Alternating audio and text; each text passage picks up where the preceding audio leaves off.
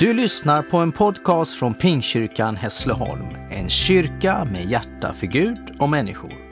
Vi hoppas att vi ska få uppmuntra och inspirera dig.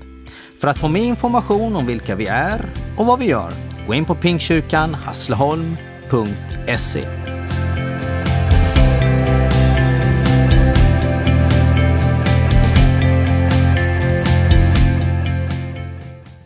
Har ondskan vunnit?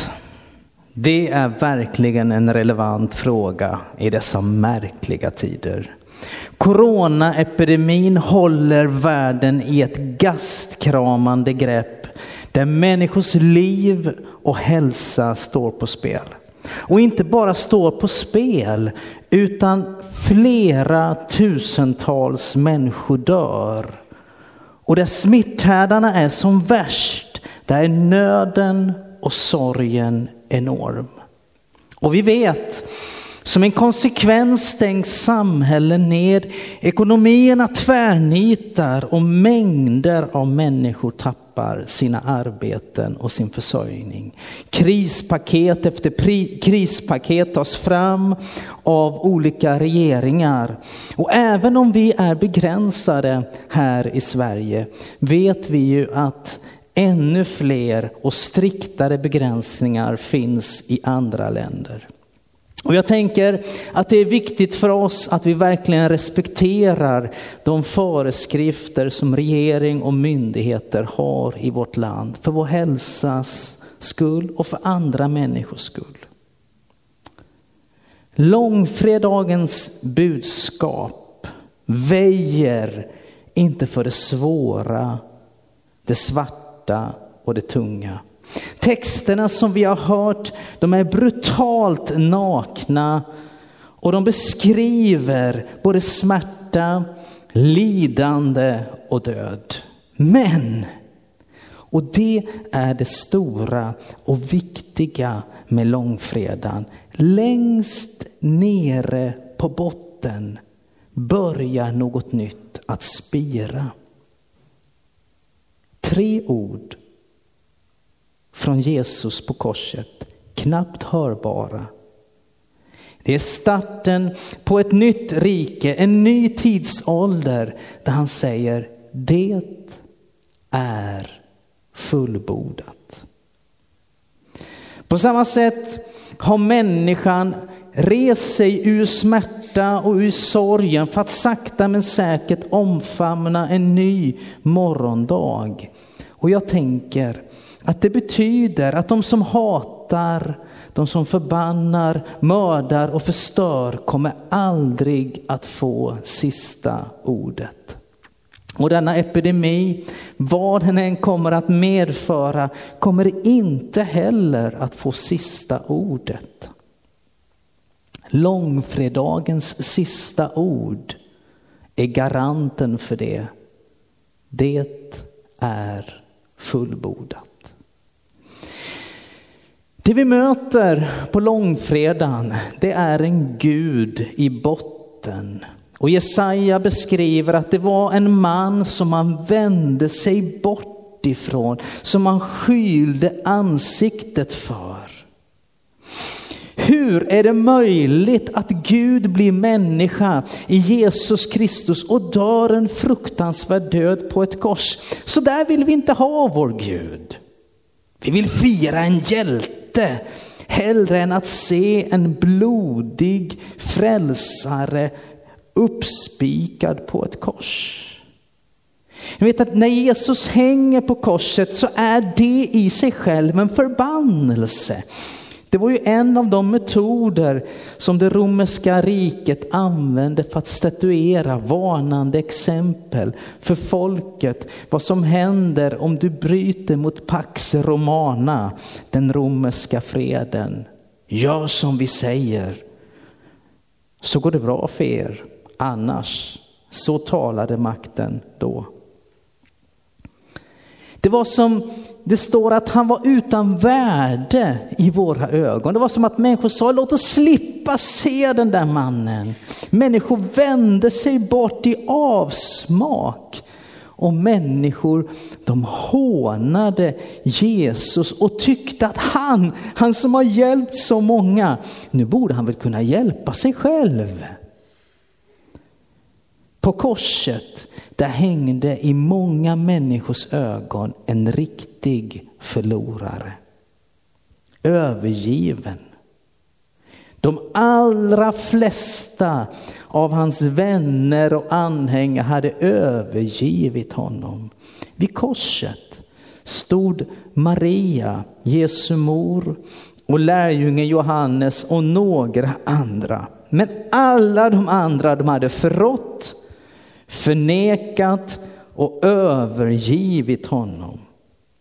Och dessutom så utropar Jesus i den djupaste förtvivlan rakt ut till Gud sin fader. Varför har du övergett mig? Men det var som vi hörde i sången, det var för min skull. Det var för vår skull. Och det står också i Jesaja 53 som vi hörde, det var våra sjukdomar han bar. Våra smärtor han tog på sig. Han blev genomborrad för våra brott, slagen för våra synder. Straffet blev lagt på honom för att vi skulle få frid. Det var för vår skull. Jesus dör för dig och mig. Jesus dör för alla människor. Han blev gjord till synd för att vi skulle bli gjorda till rättfärdighet. För din skull. För din skuld. För din synd, för din smärta. Människan är fallen, människan är sönderbruten, människan är slagen. Och Guds avbild är idag på många sätt en karikatyr. För vi har valt att leva våra liv bortvända från Gud. För vår egen skull, med oss själva i fokus. Och Jesaja beskriver, vi gick alla vilse som får. Var och en av oss ville vandra sin egen väg. Men det är detta som rätas upp på korset. Korset är Guds stora reboot av systemet. Det är Guds återställare. Det är Guds kraft till frälsning för alla som i oss själva är förlorade. Det är utgången eller utvägen i återvändsgränden. Helt plötsligt öppnas en dörr. Och det står så här i psalm 68. Lovad vare Herren Dag efter dag bär han oss. Gud är vår frälsning och lyssna. Gud är för oss en frälsningens Gud. Hos Herren Gud finns en utväg från döden. Det var av kärlek till oss. Det var inte av plikt. Det var inte av tvång. Jesus ger sitt liv av kärlek till människan. Gud är kärlek och den kärleken har blivit uppenbar i Jesus Kristus och korset talar om att vi är för evigt och för alltid älskade av Gud. Älskade med en kärlek som är beredd att gå hela vägen in i kaklet. En kärlek som gör vad som krävs. En kärlek som aldrig ger upp om våra liv. En kärlek som ingen eller inget kan övervinna. En kärlek utan gränser.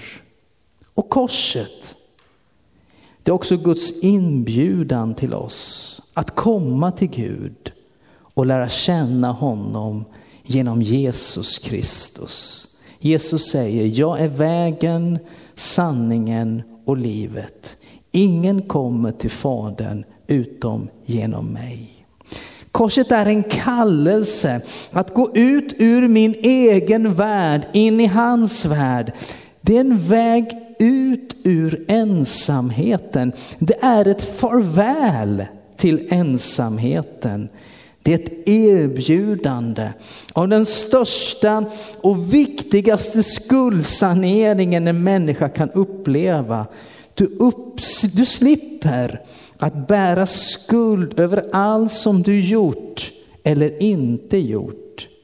Du slipper skammen som kletat sig fast vid ditt liv och sagt att du inte duger, att du inte räcker till. När Jesus dör på korset, då ser han dig och mig i mänskligheten. Du är i hans blickfång. Det finns en sång som heter Han omsorg har om sparven, han omsorg har om mig. På engelska, His eyes is on the sparrow and I know he watches me. Han ser mig, han ser dig. Om en hela världen faller är du älskad och sedd. Och jag vill uppmuntra dig denna långfredag att höja din blick och se tillbaka på honom som ser dig. Så att blick får möta blick. Och i det mötet så vet vi någonstans djupt inom oss att allt kommer att bli bra.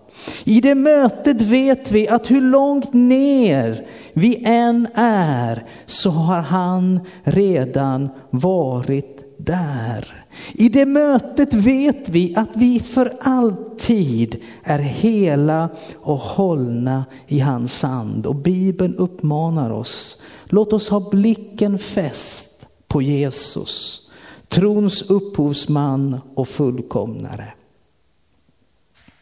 Nej, ondskan har inte vunnit och kommer inte att vinna. Vad som än sker och vad som kommer att ske så står korset kvar som ett faktum i tid och rum. Det är vår tro, det är vår bekännelse, det är vårt hopp och det är också vår seger.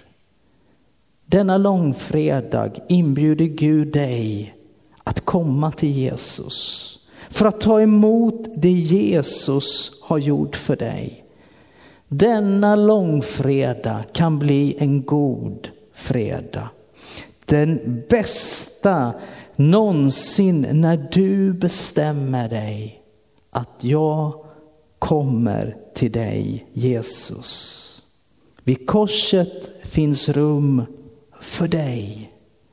Miljoner där står, men plats finns ändå. Ja, vid korset finns rum för dig.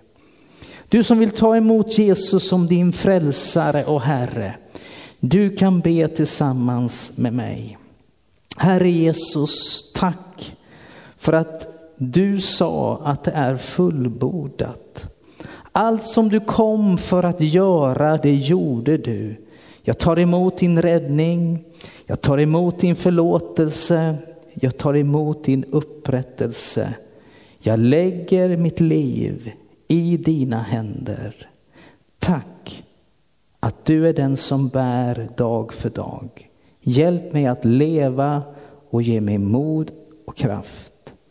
Jag ber så i Jesu namn. Amen. Gud välsigna dig.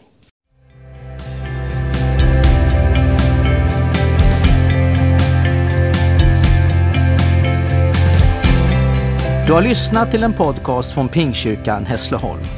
Om du vill veta mer om vår kyrka och verksamhet, gå in på pingkyrkanhässleholm.se. Varmt välkommen till oss.